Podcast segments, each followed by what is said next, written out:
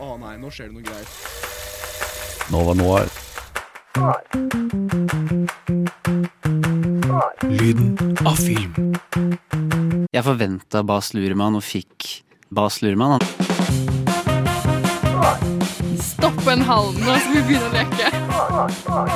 Det skal være visuelt bra. Jeg har sett uh, tre filmer. Morbin, Morbin, Morbin, Morbin. Nova Noir på Radio Nova. Sjangeroverskridende, du vet ikke helt. Postmodernistisk. Vi skal snakke om hvordan De bare satt og diskuterte. Da, da var jeg sånn OK, dette her var litt gøy, men dette er gammelt allerede. Uh, kommentarer på samfunnet og sett siden sist. Jeg har heller ikke sett Taxi Drivers. Jeg har heller ikke sett Taxi Driver. Nova Noir. God dag, god kveld, og velkommen tilbake til høstens første livesending med Nova Noir! Jeg har egentlig bestilt eh, sånn mariachi-band som skulle spille oss inn, men de dukket aldri opp, så det blir Det var utrolig skuffende. Vel, vel, jeg er Johannes, og jeg er her med eh, mine gode venner Karin. Si hei. Ja, hei. Og Anne. Hallo. Anne er vår hater i dag, fordi hun, ha hun hater alle filmene vi skal se. Eh, og så Det blir utrolig spennende. Vi trenger litt sånn opposisjon i denne redaksjonen her, for vi er altfor enige. Har vi fått beskjed om tidligere. Så tror jeg er en tilbakemelding vi aldri har fått. det Ja, jeg er egentlig helt enig i det. Eh, og eh, bak spakene Vi sier spaker, men egentlig så er det ikke spaker. Eh, det er mer knapper. Men uansett da, så har vi i hvert fall Malin. Kan ikke du gi fra deg litt lyd? Nå, nå, nå, første gang jeg snakker. Hei. hei, hei. First time. Yes, Jeg vil bare ha bevis på at vi har den her, sånn at folk tror på meg. Fordi eh, det, er- jeg har aldri hørt eh, tekniker lage noe særlig lyd før, så det- jeg syns det var eh, passet seg å gjøre nå. Eh, men ja, som sagt, ikke spaker, men det er det vi bare kaller det på radiospråket. Uansett, vi skal ha en spennende sending i dag hvor vi tar for oss konseptet Barbieheimer. Eh, Barbenheimer. Barbenheimer, dette konseptet hvor, eh, som liksom har gått helt viral i sommer. Da, hvor filmen Barbie og filmen Oppenheimer eh, på en måte har eh, eksplodert i popularitet pga. hverandre. Uh, er fordi de kommer på samme dag. De kommer på samme dag, og det er veldig mange teorier på hvorfor de kommer på samme dag, men vi kommer tilbake til det senere.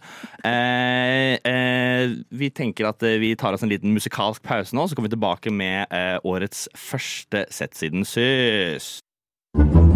mest liksom film... Siden sist, din din mest trailerstemmeaktige stemme. Sett siden sist. Sett siden sist. Sett siden sist. Sett siden sist.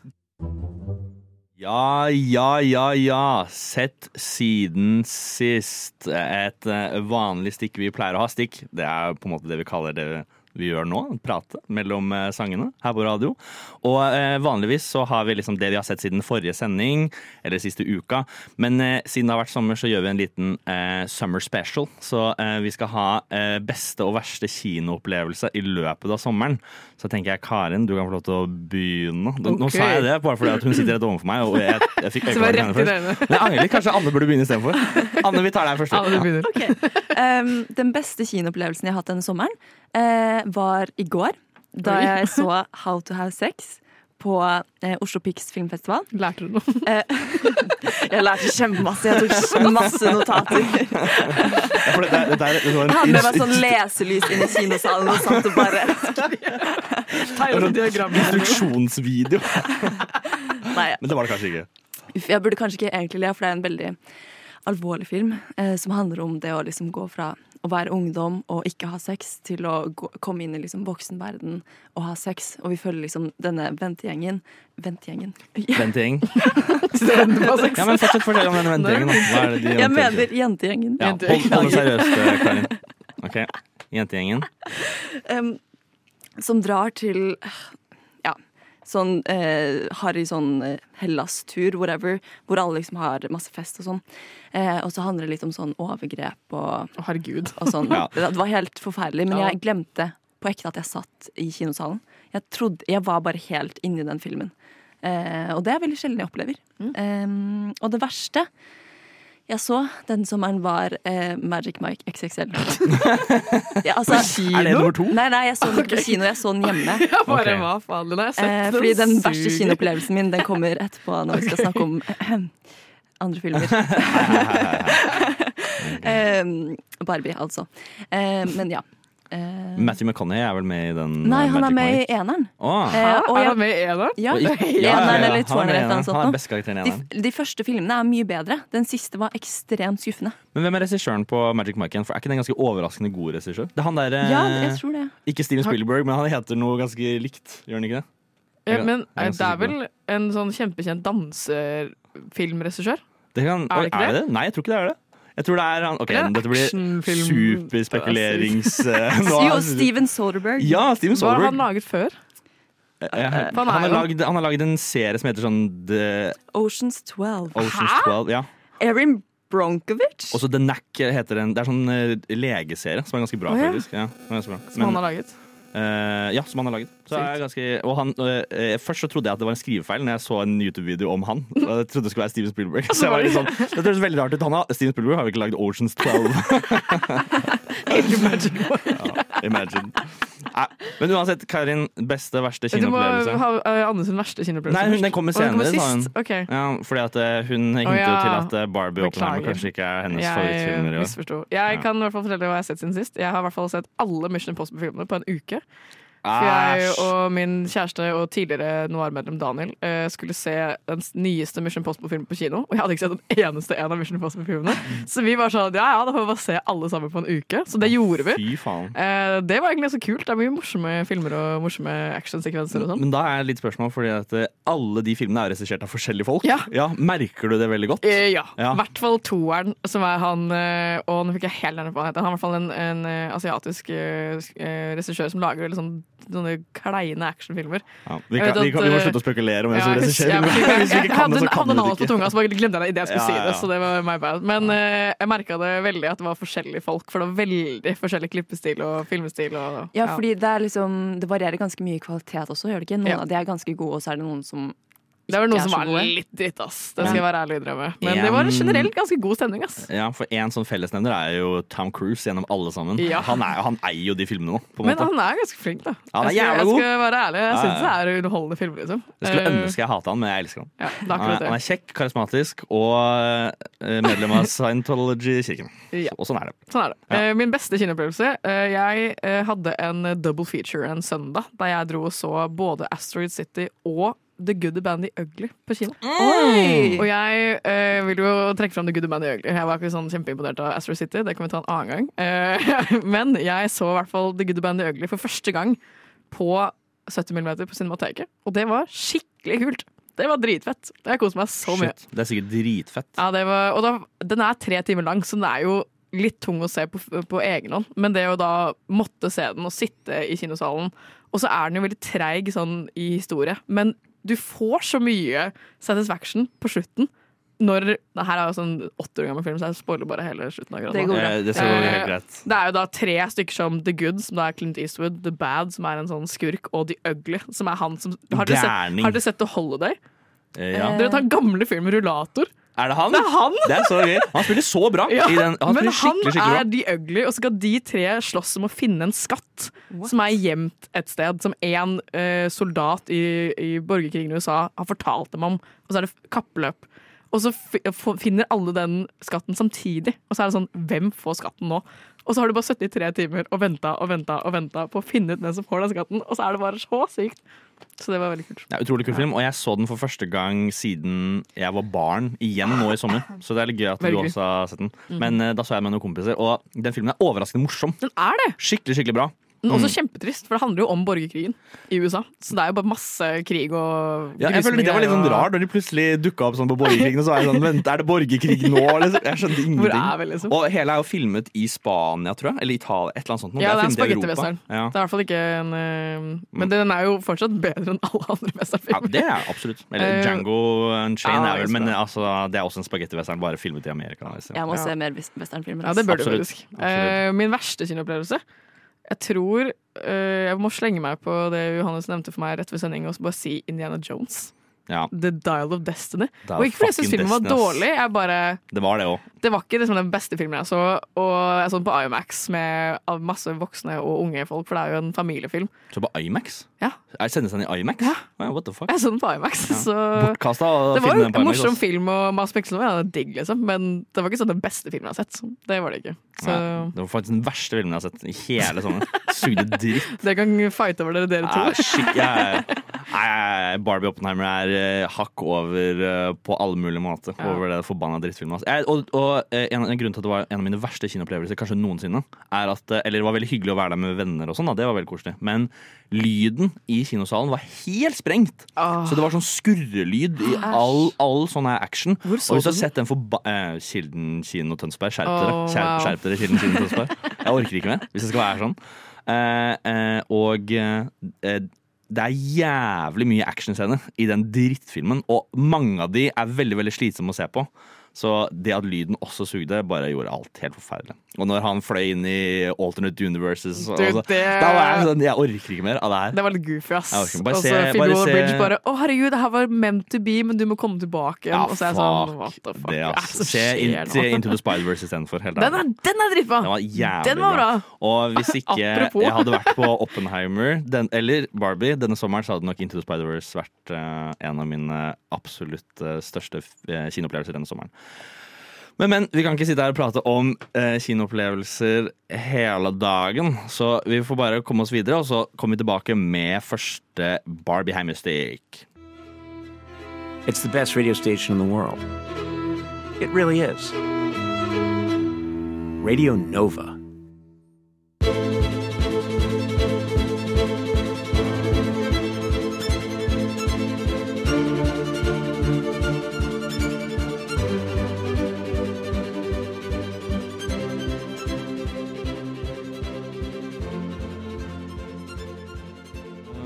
Tusen takk, Conan O'Brien, for den introduksjonen.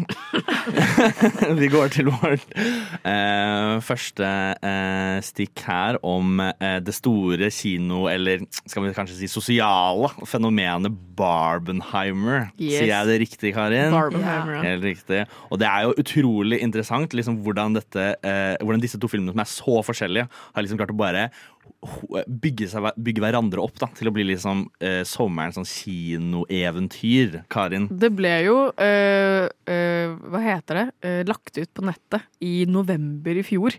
At de filmene skulle komme ut samtidig. Eller de ble egentlig liksom øh, publisert hver for seg. Og så var det en eller annen på Instagram som bare Å, herregud, de kom ut på samme dagen. Fy faen, så sykt. Og så ble det bare et sånn globalt fenomen i seks måneder! Og folk har venta og venta og venta på å se den jævla, disse filmene. Og vært sånn Hvilke skal dere se først? Hvilke kostymer skal dere ha på dere? Hva skal dere gjøre? Hva skal dere spise for å ha den ultimate Barbenheim-opplevelsen? Og det ble sånn bare et sånn globalt fenomen i mange, mange måneder. Bare fordi de ble liksom skulle blitt utgitt på samme dagen. Ja. Jeg husker det var noe sånn Nå er dette en god stund siden, da. Men at eh, det kom ut fra en eller annen kilde at liksom Å nei, Oppenheimer kommer til å bytte De kommer til å flytte eh, utgivelsesdatoen sin av at de kommer ut på samme dag som Barbie. Og så eh, måtte liksom Oppenheimer, eller jeg vet ikke om det var Christopher Nolan, men en eller annen måtte liksom avkrefte det og si sånn Nei, vi bytter ikke datoen vår! Å, herregud. Vi står for det vi har sagt! Fuck Barbie. Men det var jo en jævla eh, Unnskyld banneord. Uh, utrolig god eh, idé å ikke bytte dato. Fordi at det at disse to har kommet på samme dato, har jo bare gjort at det eksploderte i, i oppmerksomhet. Jeg vil jo si at fordi de kommer på samme dagen, så har Oppenheimer fått mer eh, Ja. seere. For den har eh, eh, blitt mottatt dårligere. eh, sånn i publikumstall. Det er færre som har dratt og sett Oppenheimer enn Barbie. Og folk har sett Barbie mer på kino sånn igjen, at samme mennesker har gått og sett den igjen, enn med Oppenheimer. Eh, så jeg tror at dersom de hadde valgt å flytte Oppenheimer til en annen dag, og ikke samme dag som Barbie, så hadde Oppenheimer floppa skikkelig hardt. Og det er ikke fordi det er en, Jeg syns ikke det er en dårlig film, nå skal jeg bare snakke for meg selv, men fordi folk da dro så først Barbie og så Oppenheimer, eller andre veien, uh, whatever, så gikk flere folk og så Oppenheimer. Så jeg tror det var til deres fordel, selv om da fikk de liksom rykte om å være Barbenheimer og ikke Oppenheimer. Ja. Så dro folk fortsatt og så Oppenheimer mer enn de hadde gjort om det hadde blitt utgitt aleine. Ja. Jeg tror også at sånn eh, Jeg vet ikke PR-strategien til Oppenheimer har vært litt mindre tydelig, føler jeg, enn Barbie. Sånn Barbie er en ekstremt kommersiell film. Eh, og jeg tror at på grunn av at de kom ut samme dag, så havnet liksom Oppenheimer De fikk samme. PR-kjøret Ja. det. Sånn, det eneste eh, Oppenheimer har reklamert for seg selv, føler jeg er sånn bare at Christopher Nolan har snakket om sin egen film. Og hypet den opp i liksom intervjuer og sånn. Og så det det gitt ut et bilde av bare Cillian Murphy med sånn bombebakgrunn, og det er liksom det. Eh, og jeg skjønner jo at det er lettere for Barbie å reklamere for seg, for det er et produkt som allerede har hatt 100 år med markedsføring. Så det er jo lettere å trekke inn liksom Bare uh, kle opp Margot Robbie i et gammelt Barbie-antrekk fra 90-tallet og bare si å, Barbie, eller Barbie kommer ut nå snart, så gå og se den. For de har så mye på lager som de bare kan bruke som ny PR. Så det er lettere å reklamere for det, og så har de også Motell med på laget Ja. med reklame. Eh, eh, hva heter det? Delen deres, da. Mm. Eh, mens Oppenheimer er en film om atombombens liksom, ødeleggelseskraft. Det er vanskelig å være sånn Kom og se denne jævlig fete filmen om Kom, kom, og ta, kom og ta bilde foran denne bombeplakaten. Ja. Vær med å slippe bomben, Ja, ja, ja. bomben i gåstein over. Ja, man, du, du kan jo ikke reklamere for det på samme liksom, lysbetonte måte som med Barbie. Men har ikke dette skjedd eh, tidligere også? At sånn Mamma Mia kom ut samtidig med en annen film? Ikke snakk for mye nå, for det. nå spoiler dere leken min. Oi, oi, Wow. Eh, vi, til kontekst for dere der hjemme, vi skal ha en liten konkurranse slash lek senere i sendingen, og vi har eksplisitt bedt om å ikke vite hva leken er for. Mhm. Så nå tydeligvis fikk et lite frempek på hva det skal handle om. Hmm. Detektivhattene. Noe sier meg at jeg kommer til å gjøre det veldig dårlig. Men uh, uansett hvor dårlig eh, Oppenheimer på en måte uh, Oppenheimer har gjort en god markedsføring hvis du er i dette filmuniverset på YouTube, eksempel. Hvis du er en sånn filmbro, typisk filmbro som elsker disse videoessayene på YouTube, så er det egentlig ganske mye interessante videoer. Vi kommer litt tilbake på det senere på YouTube. Eh, Med Christopher Nolan og Killer Murphy spesifikt, som snakker mye om filmen. Matt Damon som snakker mye om filmen, Robert Downey Jr. som snakker mye om filmen. Og de er veldig Trond Fausa. Egentlig Jeg har ikke sett noe dritt om han, jeg. Jeg Han har ikke lagt noe på Instagram Det er bare på TikTok så er kommentarfeltet bare gjennomsyra av Norge og Trond. Og det er det. Ja, men han er en herlig fyr. Men eh, eh, eh, Barbie har kanskje gjort den beste markedsføringsjobben noensinne. Dette her blir medievitenskapelig pensum til neste år på UiO. Fy, Fy faen, de har jobba noe så inn i helvetes bra. Eh, og bare sånn her, eh, En ting som jeg vil bare poengtere ut før vi eh, eh, nå til slutt går videre, er at eh, i, i en sånn teaser-video som Barbie ga ut, så er det Margot Robbie i den første, eh, av det første antrekket til Barbie. Og også i, eh, i en 2001 Space Odyssey-kontekst. Hvor, hvis dere har sett den filmen, så er det åpningsscenen og Barbie-scenen er liksom nå merga. Og på, e- det er veldig ganske kult at eh, de klarer liksom det, jo, det finnes nesten ikke mer en Filmbro-referanse enn 2001 Space Odyssey-åpningen. ass. Og, og da er det ganske modig å kjøre Barbie merge med Space Odyssey for å liksom markedsføre filmen sin. Da, da skjønner De, de veit hva de driver med, for å si det sånn. Men uansett, vi skal gå videre og prate litt mer om uh, Oppenheimer spesifikt i uh, neste stikk. Uh, først skal vi høre en sang, The Pinkertons med Glory Delusion. Du Du Du hø hører På På Radio Nova. Oppenheimer, Christopher Nolans magnum opus. Eller er Christopher, og Christopher Nolan, årets Christopher Nolan-film, da. Eller som jeg, som jeg liker å kalle det. Eh, vi har en eh, dedikert eh, Oppenheimer-spesialist i studio i dag. Det, jeg har litt ting jeg selvfølgelig har lyst til å si som jeg syns er litt interessant om filmen. Ja. Men jeg tenker kanskje Karin, du kan introdusere filmen litt mer sånn generelt. Det Siden jeg- det virker som du kan veldig mye om det. Eller, du har jo sett den hvor mange ganger? Jeg har sett den to, jeg skal, rett etter denne sendinga skal jeg se den på tredje gang på kino. Riktig, riktig. så jeg skal rett fra dette her til Oppenheimer på kino igjen. Så, og jeg leser også boka for øyeblikket som Oppenheimer-filmen er basert på. Eh, som da heter American Prometheus, The Life and Tragedy of J. Robert Oppenheimer. Damn! Ja, en lang tittel, men eh, også en lang bok, da. Den er jo 600 sider lang, liksom. Så Det er sjukt, det- ass. Eh, Jeg forteller kort om hva Oppenheimer handler om. Det handler da om J. Robert Oppenheimer, som er en eh, fysiker. som får i oppdrag å utvikle eh, den første atombomben, som da blir et kappløp mellom Nazi-Tyskland og USA, for å fullføre andre verdenskrig, egentlig. Bare få alt ferdig. Um, og i løpet av uh, denne, denne utviklingen så kapitulerer Tyskland, og så blir det da spørsmål om skal vi fortsatt lage den og bombe Japan, eller skal vi ikke gjøre det. Og så handler det som om hvorfor han ble plukket ut, hvem han er, hvordan de utviklet atombomben, og uh, hva skal jeg si, hva heter det? Etterfølgerne. Hva, heter Eh, ja, jeg, jeg skjønner ikke Etterfølgende? Eh, etter, etterfølgende av at atombomben ble laget. Konsekvensene. Og konsekvensene, og hvordan uh, Oppenheimer ble behandla etter. eh, både før, under og etter utviklingen av atombomben. Eh, for han var jo eh, en spekulert kommunist. Og det var bare du så rødt i USA på den tiden, etter da Sovjetunionens eh, kommunistiske det, oppkjør. Så, Regime. Regime, det kan du også kalle det. Så ble han jo eh, hva, skal hete- hva skal det hete? Eh, bare jagd. Heksehunta av bare hele den Ja. amerikanske staten. Sylvi Listhaug hadde det, er ikke- det er ikke nærheten av det Oppenheimer var borti engang. Så det handler bare om hans liv. Det blir jo en slags biopic, på en måte. Mm. Absolutt. Og eh, eh, nå husker jeg Nå ble jeg tatt litt på senga. Hva jeg skulle si. Jeg husker ikke hva jeg skulle si. Men det er så, det er ikke så veldig viktig om jeg husker hva jeg skulle si eller ikke. Eh, det som er viktig, er at Anne helt sikkert har noe utrolig smart å si istedenfor. Um, eh, jo, altså det jeg syns er litt spennende med den filmen her, er at um, Og det har de kanskje ikke reklamert for så veldig godt, men den filmen er jo egentlig eh, basert på en bok som er skrevet om eh, Oppenheimer. Mm. eh, som Karin da har lest, som jeg syns er eh, kjempespennende. Nei, hei, hei. Hun er ikke Eh, ferdig leser. Altså, ikke- hun- hvis ok, ja, det er sant, ja. Leser for Jeg kommer til å lese ferdig. Ti, ti sider igjen. Leser. Ja, Det er i hvert fall mer enn eh, det både jeg og Johannes har gjort eh, av eh, research. um, men ja, og jeg tenker det er en viktig kontekst for eh, når vi skal snakke om denne filmen.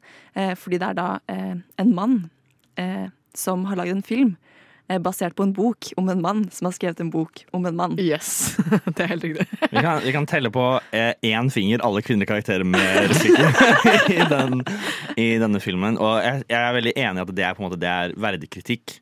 Uh, og jeg skal ikke sitte og liksom forsvare det at, uh, det, er, at det, sånn, det Christopher Nolan gjør med at han ikke har en eneste sånn her Hva kaller man det?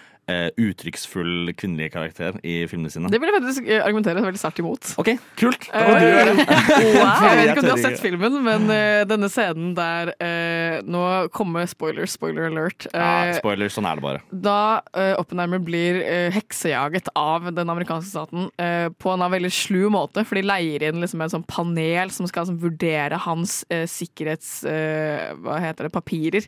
eh, som han har fått, eh, fått godkjent tidligere, men som han nå må eh, fornye, og som han ikke får godkjent. Og som han inn til en sånn nemnd for å prøve å få dette uh, godkjent. Uh, og i dette nemndet så prøver de egentlig bare å, å fange han og lure han til å liksom, innrømme at han er kommunist og fengsle han og alt mulig. Men det er ikke en rettssak i Gåstein. Det er jo en innleid advokat der fra begge parter som aktivt prøver å liksom, felle han med masse sånne cheap tricks, liksom. Eh, men da blir jo alle vennene og de assosierte til Oppenheimer kalt inn til dette avhøret, som ikke er et avhør. Blant annet da kona til Oppenheimer, Kitty Oppenheimer, som blir spilt av Emily Blunt. Eh, og det du sier med at du ikke har en eneste uttrykksfull og Det var over- eh. Det er, det er en overdrivelse. ja, og det, det er derfor jeg argumenterer imot. Ja, ja. For hun må jo da prøve å ta Oppenheimer i forsvar og bare er så fet og bare ruler hele dritten. Og hun har jo vært en uh, sykelig alkoholiker hele resten av filmen. Uh, og ikke Vi ser det veldig bra. lite, egentlig, men ja, hun har Ja. det. Men vi, jeg Men tror vi så- må ha ett eksempel på at hun det er, det er ikke mer enn det. Det er bare ett eksempel, er det ikke det? Hvor vi ser at hun er Eh, liksom det, Ja, to scener, tror jeg. Ja. Der hun uh, drikker seg drita og unge Vi må nesten bare sånn. anta Ja. at det er, eh, betyr at det er noe hun på en måte kontinuerlig eh, stre- strever med gjennom hele historien. Ja. Men det blir jo det samme med den scenen der hun eh, tar Oppenheimer i forsvar, og den scenen der Oppenheimer finner ut at Gene Tatlock har tatt livet av seg. Eller mistenkt tatt livet av seg. Og hvem er dette? Må, det er liksom Det er Florence Pugh, da. Det som så mye som spiller er Tatlock. Og så sitter han i skogen og griner, for han føler seg Han har så dårlig samvittighet for hun har tatt livet av seg. Og så kommer Kitty og bare sånn Faen, skjerp deg. Liksom, mann opp. Ja. Du har så masse folk som er avhengig av deg, og du skal utvikle verdens største massevåpen. Du kan ikke sitte der og grine, liksom. Skjerpings. Og da, hun er en sterk kvinne, det må jeg ærlig innrømme. Ja, fordi vi ser jo så mye av henne, og hun sier ikke så veldig mye. Men jeg syns hun spiller veldig bra eh, eh, mot eh, Oppenheimer. Altså sånn, jeg syns hun er en veldig kul kontrast til Oppenheimer. Eller ja eh, De spiller veldig bra av hverandre. Eh, så jeg syns de har en veldig interessant dynamikk. Som jeg, det, den kommer ikke så mye frem. Fordi at hun er så lite på skjerm, men når eh, hun er på skjerm, så føler jeg at det er veldig betydningsfullt. Så jeg skal gi deg den, altså. Ja, Absolutt. Er du, er du enig, Anne? Nei, jeg, jeg, jeg er kraftig uenig. Eh, jeg mener at eh, Altså, Jeg skjønner at denne filmen handler om Oppenheimer, men jeg syns at både Jean Tadlock og Kitty Oppenheimer er eh, sånn i historien I virkeligheten så var de liksom store kvinner som hadde spennende, interessante liv, uavhengig av Oppenheimer. Og i den filmen her Ja, jeg er enig i at den talen hvor hun forsvarer han i den rettssaken i eh, gåsetegn, eh, var veldig kul, og hun var kul liksom, i den scenen, men jeg syns ikke vi får noe særlig kontekst til hvorfor hun er så eh, deprimert, og til at hun er alkoholiker, og det blir liksom ingen gjør noe med det. Hun bare blir presentert som en veldig sånn turbulent kvinne som ikke klarer å ta vare på barna sine. Eh, og vi skjønner heller ikke helt hvorfor de, eh, Kitty og Oppenheimer blir sammen. sammen liksom Hvorfor de blir kjærester, hvorfor de gifter seg, om et, ekteskapet deres er fint. Eh, og også Jean Tadlock. Eh, kjempespennende, interessant kvinne, men vi får på en måte bare vite at hun har sex med han, liksom. Eh, og at hun var kommunist-ish. Ja, det var hun. Hun var full blown. Hun var sånn Å, dersom jeg ikke visste at Russland var så var som de var, så hadde ikke livet mitt vært så bra som det er.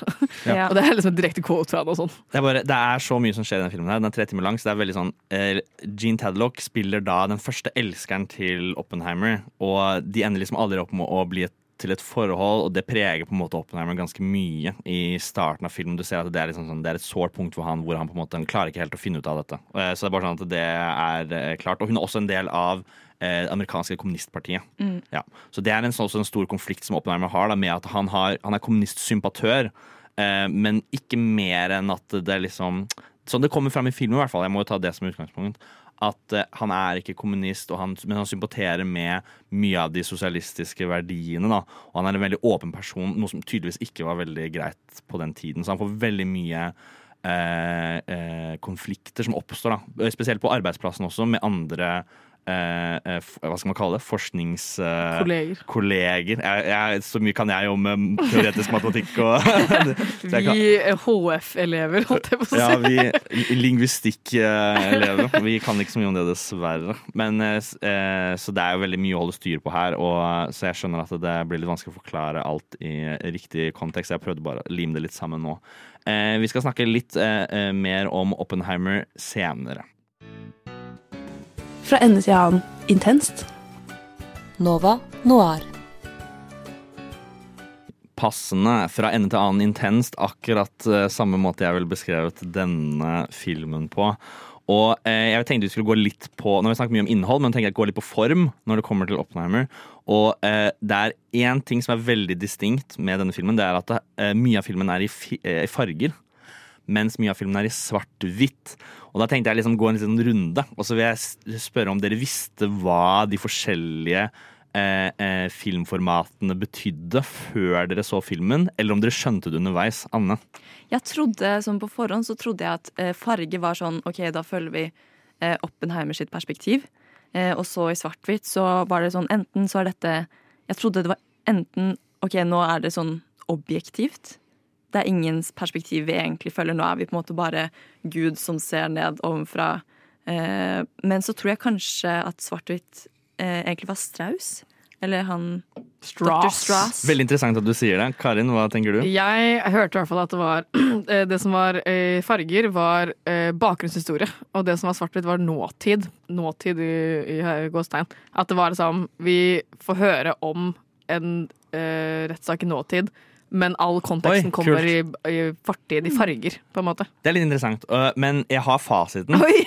Eh, og jeg baserer fasiten på Christopher Nolan sine egne ord. Ja, det er greit. Jeg var, jeg, var på, jeg, var, jeg, var på min, jeg var på en sånn liten uh, YouTube-binge hvor jeg så mye intervjuer med Christopher Nolan og Killian Murphy. Og en av de er en fransk nettside, eller YouTube-side, uh, hvor de går rundt og snakker om uh, filmer i et eh, Ja. Mm. ja, Blir intervjua av en fransk person.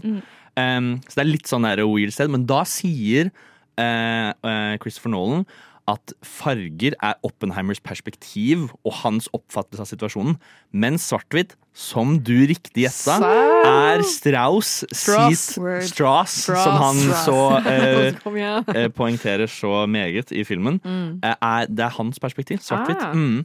Eh, og når, det, når når jeg sier dette nå, så merker jeg at vi har eh, glemt å fortelle noe utrolig viktig om denne filmen. Og det er at den mer enn noe annet handler om eh, eh, rivalis, rivaliseringen mellom da Oppenheimer, fysikeren, og Strauss, som er denne da eh, politikerpersonen. Men også han, har, Han er- han blir vel det til slutt, da. Han er tidligere leder av eh, AEC, som er The Atomic uh, Mission Committee, tror jeg.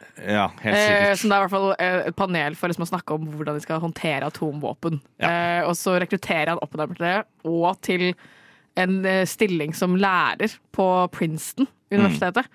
Eh, men senere prøver å liksom, uh, jobbe for en politisk karriere. Og så blir han satt under avhør for om han skal er med eller ikke på det. Og så blir Oppenheimer dratt inn i dette her. Ja, og det er det som er litt interessant med denne svart-hvitt, eh, dette svart-hvitt-formatet og dette fargeformatet, er at det er mange av situasjoner hvor vi ser Oppenheimer og Strauss sammen, blir spilt flere ganger, men med forskjellig perspektiv. Altså i farger og ikke-farger, og litt sånn forskjellige synsvinkler.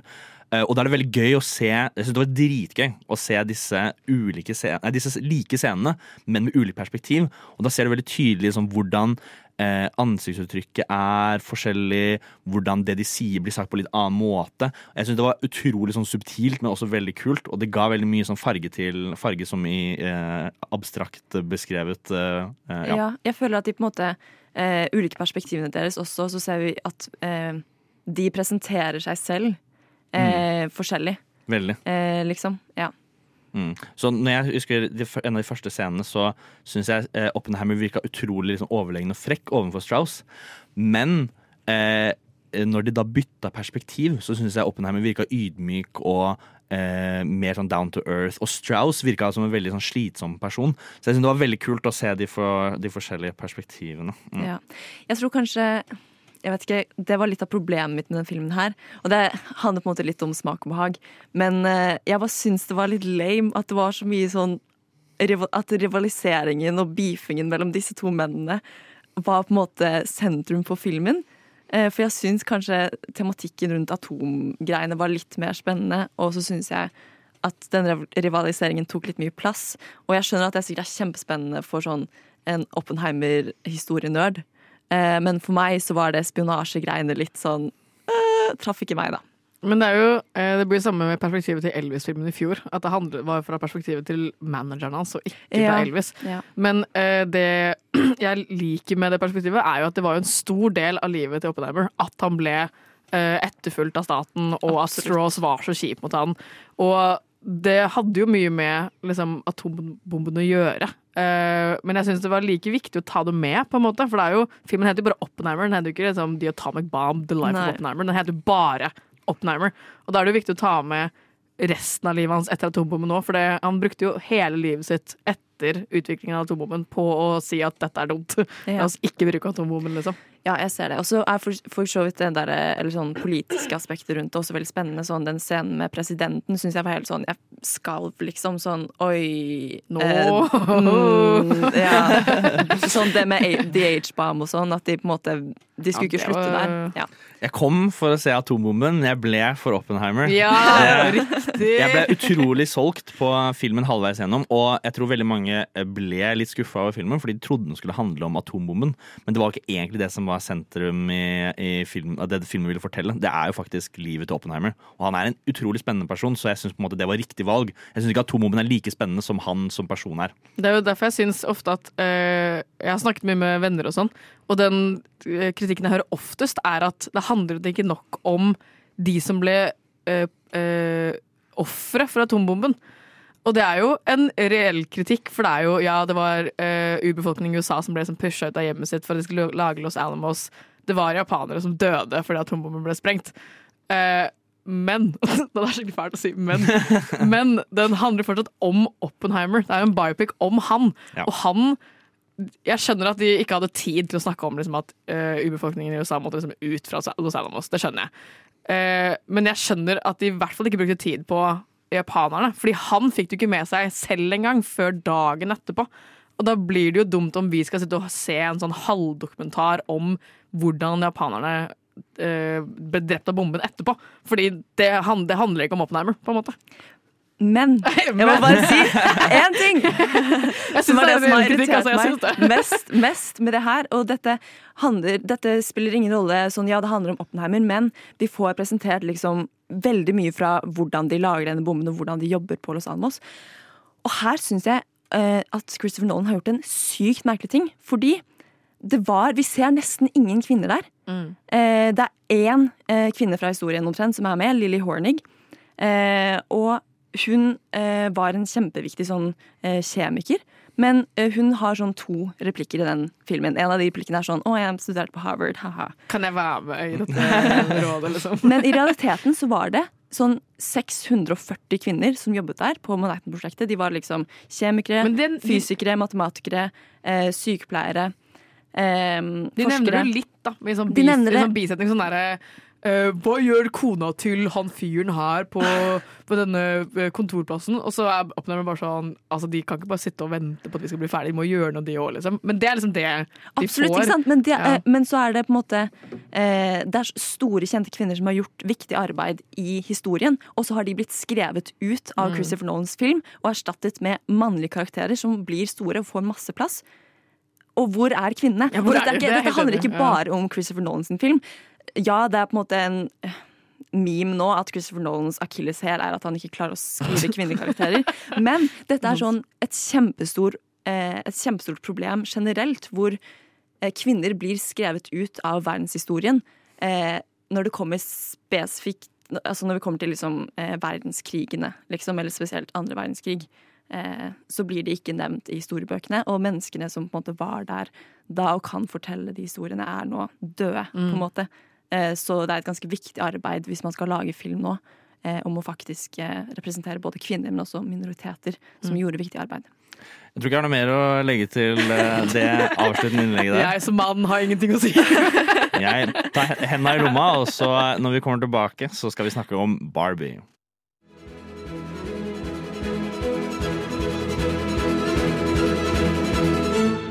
Radio Nova. Vi går inn i film nummer to, Barbie. Og jeg vil bare starte med å spørre om hvilken film dere så først når dere skulle se disse på kino. Jeg så Barbie først, men det var for en veldig uh, viktig grunn. Og det var fordi jeg var i utlandet da Oi. disse filmene ble utgitt. Jeg reiste til Irland den fredagen Barbie og Oppenheimer kom på kino. Så jeg fikk jo ikke sett dem på den dagen eller som en double feature. Så jeg og Daniel så den Barbie først, for da kjøpte vi seter til en 100 år gammel kino i Dublin. Oi. Som var sånn røde kinn... Hvordan fikk sånn dere med dere setene hjem? Hvordan? Hæ? Fordi dere kjøpte setene av. Vi kjøpte ja. ja, sånn, ja. Uh, jeg også, jeg tok ikke den joken. Men Nei, eh, vi kjøpte i hvert fall plasser på en kino som er 100 år gammel. Mhm. Som har sånne røde skinn, eh, skinnstoler og sånne store sånne eh, pynter i ta, hva heter det, sånn pynter i taket, stor skjerm. Masse sånne små lys på de små bordene. Du kan få bordservering under filmen av servitører som står langs veggen. Det var sånn skikkelig fancy gammeldags kino. Take me to Dublin, Og der så vi Barbie. og så så vi Oppenheimer. Uh, vi kom tilbake på en onsdag, og på fredag så så vi Oppenheimer. Ok, ok, Anne. Eh, jeg så det ikke på samme dag. Jeg så eh, førpremiere på Barbie på Vega med en venn. Det var kjempekoselig. Um, Med filmen Sugne. det var veldig no hyggelig sånn, eh, å være med henne, da. Og jeg, så var det litt kjipt at, at, at, måte, at jeg ikke likte filmen like godt som henne, og at jeg ikke klarte å skjule det. så jeg sånn- merket at hun var litt gira eh, etter vi hadde sett den. Men jo, det var kjempehyggelig eh, å være med henne. Og så så du Oppenheimer etterpå. Uh, ja. Med Noir. Ferdig. På Cinemateket, 70 Gjengen. millimeter. Cinemateket. Og det, Barbie gikk jo ikke på Cinemateket. Jeg tror det er litt viktig å nevne. Og det syns jeg var veldig dårlig. Ja, det er sikkert, det er sikkert, Barbie 70 millimeter. det er sikkert, det er sikkert noen grunner til det. Men, jo, men eh, det virker uansett- som et aktivt valg. Kanskje. Jeg så Barbie med eh, alle mine gode guttevenner fra. Tønsberg i, på min lokalkino. Mye bedre kinoopplevelse enn den forrige drittfilmen jeg så der, som var Indiana Jones. Eh, men jeg kan bare gå over litt sånn eh, details eh, om Barbie. Eh, den er bare 114 minutter lang. Jeg synes Det er litt viktig å poengtere, for dette oppnærmen var det motsatte. Eller det, dobbelte, som det heter. Ja. Eh, og eh, så som en sånn eh, kinoopplevelse for folk som må si vanlige folk, da, med gåsetegn på begge sider av ordet. Eh, Wow. så er dette en så mye enklere film å gå og se, og det er ikke rart at den da gjør det såpass mye bedre enn Oppenheimer på kino. Selv om Oppenheimer gjør det veldig, veldig bra. Eh, den er regissert av Greta Gerwig, som har liksom, hun har sånn ganske kult eh, following, for å si det mildt.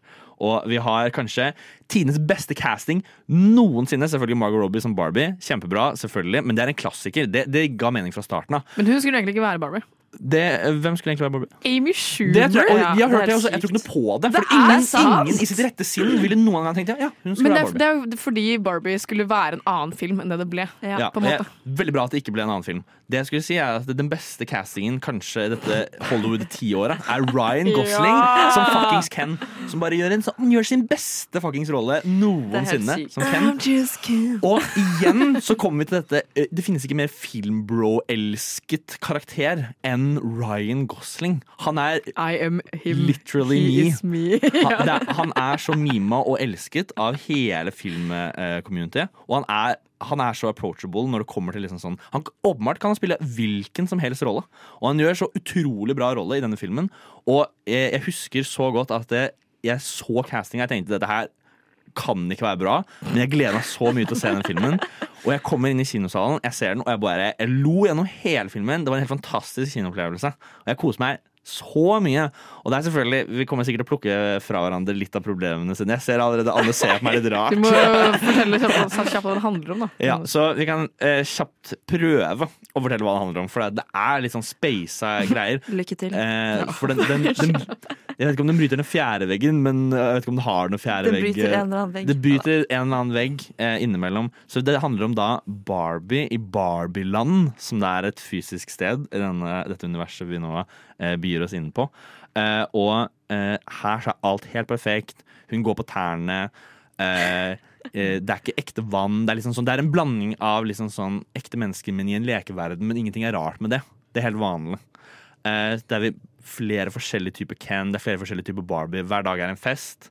Helt til plutselig eh, ting ikke er så perfekt som det pleier å være. Og da er da vi begynner å se litt sånn sprekker i dette eh, Barbie-samfunnet som hun lever i. da Og så begir de seg da ut på en, en reise til den virkelige verden eh, for å finne ut hva som er gærent. Ja. Og, Fordi Barbie har fått cellulitt og dårlig ånde, og hun faller ned i bilen sin flat feet. Ja. Ja. Ja, hun har det. Eh, Hun, bare, hun har bare blitt vers. meg. Så. Hun ble literally, Literally me. Ja. Hun er literally me. Men eh, er det noen som har lyst til å dele sine første inntrykk av eh, filmen? Jeg kan tenke Anna kommer til å være den som har liksom mest sånn imot, så kanskje Karen Ja. først. Så at vi slår liksom hardere ned på filmen helt til slutt med Anne. Jeg kan begynne, jeg. Jeg syns for det første det var en veldig morsom film. Veldig god kinoopplevelse. Og jeg følte meg liksom veldig sett på en sånn måte jeg bare har blitt av venninnene mine tidligere. At Oi. vi kan liksom sitte og bonde over at uh, Pride and Prejudice er en jævlig lættis film, og fy faen, den første daten blir alltid som alle andre første dater, fordi gutter er bare gutter. Men nå følte jeg bare som sett på en sånn universell måte. At det er ikke bare meg, men vi. vi kvinner, holdt jeg på å si. Uh, jeg syn- den var jo liksom fjollete og tøysete, men jeg syns det var uh, I motsetning til Everywhere, Everything Everywhere Old Ones, så var det fjollete på en smakfull måte. Jeg syns ikke den er smakfull på det. Tommel opp for meg. Uh, Shout-out. Jeg gir en tommel tilbake på den. ja. Ja. Eh, De eneste i redaksjonen som ikke liker Everything Everywhere. Og vi er nå samlet i dette rommet her Yes. sammen, og ingen kan si noe imot. Det er akkurat det. Uh, men uh, jeg vet ikke. Jeg syns det var mye fjollete greier som heller ikke var sånn kjempefett. Sånn som med Will Ferrell, som da spiller liksom CEO-en for Mattel.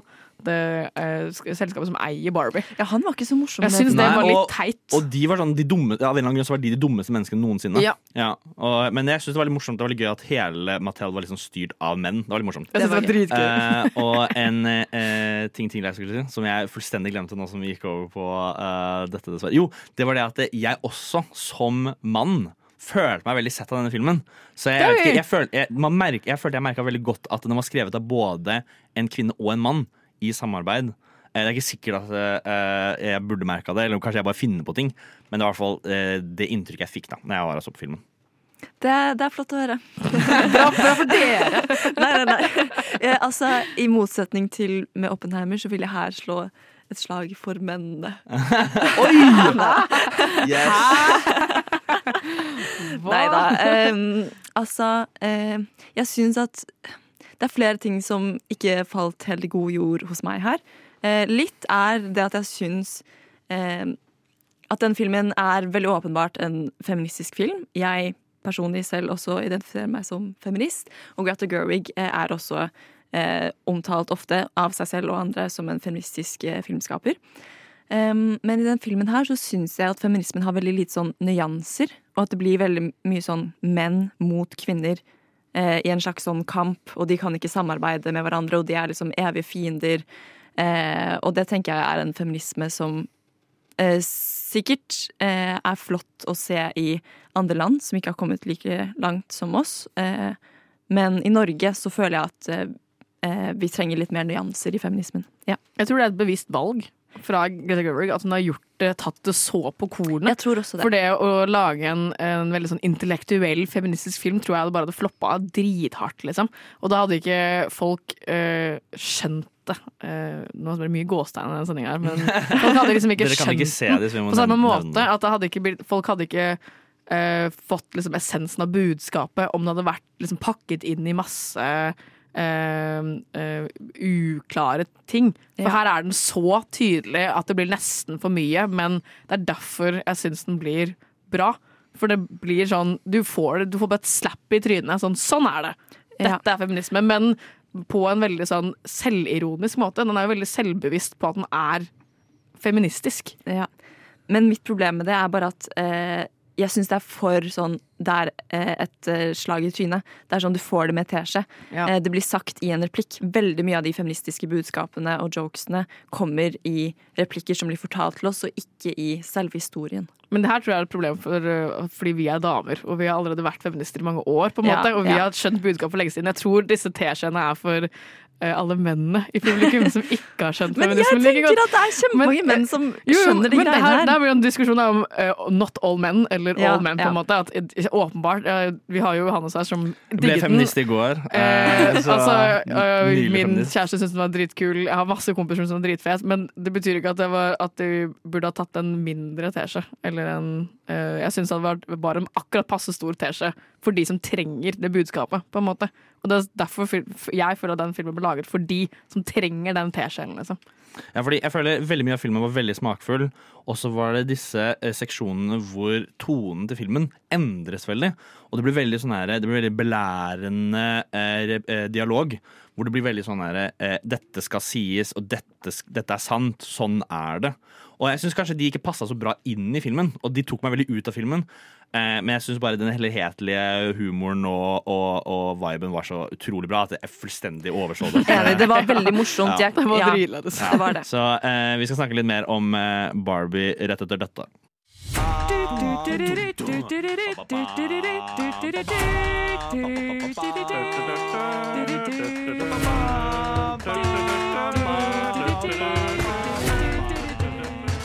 Du hører på Nova Noir. Velkommen tilbake til Barbie. Eller Nova Noir, da. Vi snakker om Barbie. heter det. Eh, Barbie Noir. Barbie Noir, som vi har dubbet oss til nå. Jeg, jeg er ny redaksjonsleder, og jeg bestemmer nå at vi skal bytte navn. Vi må gratulere Johannes med, med å ha tatt over vervet. Tusen takk. Jeg har tatt over hele Nova Noir. Det blir andre boller. Nå blir det diktatur. ja. for å si det Men eh, det er dessverre ikke meg vi skal prate om i dag. Det er eh, Barbie, eller som jeg liker å kalle det, Ryan Gosling sin beste film. Eh, Det er jo dette Jeg syns det er litt interessant å snakke om altså sånn, eh, De drar jo til virkelig verden, og Margot Robbie får denne reality-checken av hva det er å være kvinne i den virkelige verden. Og den er selvfølgelig veldig overdreven, denne reality-checken, men det er for å Hele filmen er overdreven, så på en måte de jo eh, for så vidt litt mening også. Selv om vi er i den virkelige verden, så funker egentlig ikke ting som det pleier å gjøre i den virkelige verden. Det er, veldig, sånn, det er en veldig karikatur av samfunnet vi lever i. Mer spesifikt det amerikanske samfunnet. Og jeg syns det er veldig tydelig, og jeg synes det var veldig tydelig når jeg så filmen, at dette er en film lagd for et amerikansk, eller mer sånn vestlig, veldig vestlig publikum. Eh, jeg syns det var veldig tydelig i filmen, og derfor var det mye av disse belærende øyeblikkene som føltes litt sånn overflødige for meg. Men det, det er jo ikke for oss, på en måte. Og jeg, Man må kanskje anerkjenne det litt, da, at det kanskje ikke er Mm. for oss, men allikevel så gjør det noe med opplevelsen jeg har når jeg ser på filmen. Ja. Men OK, jeg har jo reflektert veldig mye i ettertid av å ha sett denne filmen. Sånn, hva var det egentlig som eh, hva, hva er roten til eh, problemet? Eh, og jeg tenker at eh, det er ikke feil i seg selv at en film er belærende, men jeg syns måten den gjør det på, er litt sånn merkelig. Jeg tror den prøver å gjøre for mange ting samtidig. Jeg tror den prøver å si for mange ting eh, samtidig. Og da klarer den ikke å bygge en historie som forteller oss disse tingene. Da må den faktisk si disse tingene til oss direkte i replikker. For eksempel denne store monologen, som jo er en av høydepunktene i, eh, i filmen, eh, hvor eh, Jeg husker ikke Er det den hvor hun vekker Barbien? er der, mo, er moren eh, bryter ut i en lang monolog. Ja, America, eh, som- America Ferrera. Amer ja, America Ferrera. Jeg husker ikke hva karakteren hennes heter. Hun, bare, hun er en mor. Eh, og hun eh, snakker da om opplevelsen hun har av å være kvinne og problemene hun har. Men vi får ikke se disse problemene noe særlig. Vi får sånn små glimt av at, hun, at det er liksom vanskelig for henne å ha en datter som er tenåring osv. Men vi, den eneste grunnen til at vi vet at hun eh, sliter med alle disse tingene, og det er kjipt og vanskelig å være kvinne og i arbeidslivet, og du blir, blir ikke tatt seriøst, og du skal se sånn ut osv. Eh, altså her eh, stoler eh, filmfortellerne på at vi kjenner oss igjen, og mange av oss gjør det, men jeg tror det hadde vært enda sterkere hvis vi hadde sett henne i de situasjonene før, og så hadde den eh, eh, monologen kommet som et klimaks senere. Men da tror jeg det er blitt uh, samme problemet som at det er for mye for mange teskjeer her. Jo, at det blir for mye Ja, men de mange teskjeer i for mange munner, på en måte. Men da syns jeg de skulle valgt liksom en av tingene og bygd på det, liksom. Fordi hele historien her er jo Først så tror vi at ok, nå skal Barbie dra og redde mennesket som har lekt med henne fordi det mennesket er lei seg, så da har hun også blitt lei seg. Eh, men så plutselig så skal vi tilbake til Barbieland igjen, og der så skjer det noe helt annet. Nå har alle Ken-dukkene tatt over verden fordi Ken har oppdaget en bok om eh, patriarkiet og hester. Eh, og, så, og, de, og, og da, skal vi bare, da skal vi bare kjøpe at plutselig har de eh, Ken-dukkene klart å eh, hjernevaske alle Barbie-dukkene på null tid. Og så er det et kjempestort problem, men så klarer de å løse det problemet kjempefort ved et billig triks som da er å si noe om opplevelsen av å være kvinne. Og da kommer kvinner til makten igjen, og da er liksom det problemet løst. Eh, og da skjønner jeg ikke helt hva plottet hovedplottet er. Det er så mange forskjellige sånn små plott som, som skjer.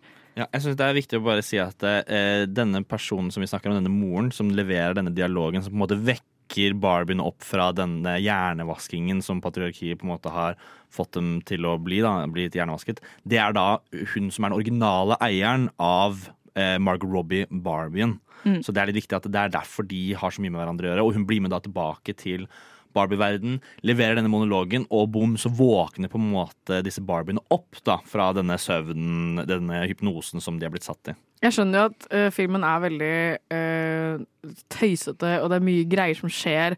Og at det er liksom hestegreiene til eh, Ken er litt rart. Jeg vil gjerne si litt mer om det jeg har ingenting annet enn at jeg er, jobber på beach, og det er liksom det eneste. Men jeg tror uh, poenget med den dialogen er jo å gjøre liksom kvinner bevisste på at de har en plass i samfunnet. For jeg skjønner Jeg, jeg kan jo Jeg syns det er litt troverdig at, de, at Kensene klarer å ta over så fort. For det er jo det som har skjedd i vår egen historie, på en måte, at kvinner har bare vært sånn. Ikke at de alle har vært sånn, men det de har blitt en sånn OK, Men- kvinner er bare her. Men det å gjøre folk bevisste på at vi er mer enn bare her for å være under Ken, Ja, ja, jeg, jeg ser er jo det, i hvert fall et steg ja. videre, da. Men jeg bare syns at, eh, at, eh, at det skjedde. Det, det på en måte presenterte både kvinner som litt sånn svake og dumme og kan bli kontrollert, men også sånn mennene som litt sånn eh, Jeg vet ikke, onde. At de på en måte ville gjøre det. Jeg føler det er satire, da. At det er meningen. Ja, at det er ja, ja. sånn, hvis det hadde blitt det for mer for, Ja, det kan, det kan jeg si meg enig på en måte. Men hvis det hadde vært for woke, så hadde ingen dratt og sett den. Det er litt det problemet. Hadde den vært liksom en, politi en, en øh, hard politisk agenda, og at du visste at du kom til å liksom få en sånn feministisk dusj, så hadde ingen dratt og sett den. Liksom. Men jeg, jeg tror kanskje jeg syns den var litt sånn for woke. At, Du ja, ok. ja, at det var sånn unyansert uh, woke, Ja. på en måte.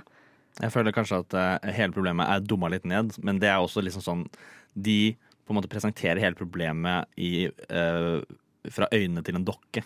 Så jeg føler altså sånn, Det gir litt mening at det er en veldig veldig dumma ned Ikke dumma ned, det blir kanskje feil ord å bruke, men en simpel Forenklet, liksom. forenklet versjon av et mye større problem. Altså Det er mye mer enn patriarkiet som gjør at kvinner liksom ikke klarer å heve seg. Altså sånn, Det er jo mye som spiller inn, men Det det er er, så liksom, mye mer enn bare en dialog er en- for å helbrede deg. det er en veldig liksom. enkel, tydelig måte å, å vise det på.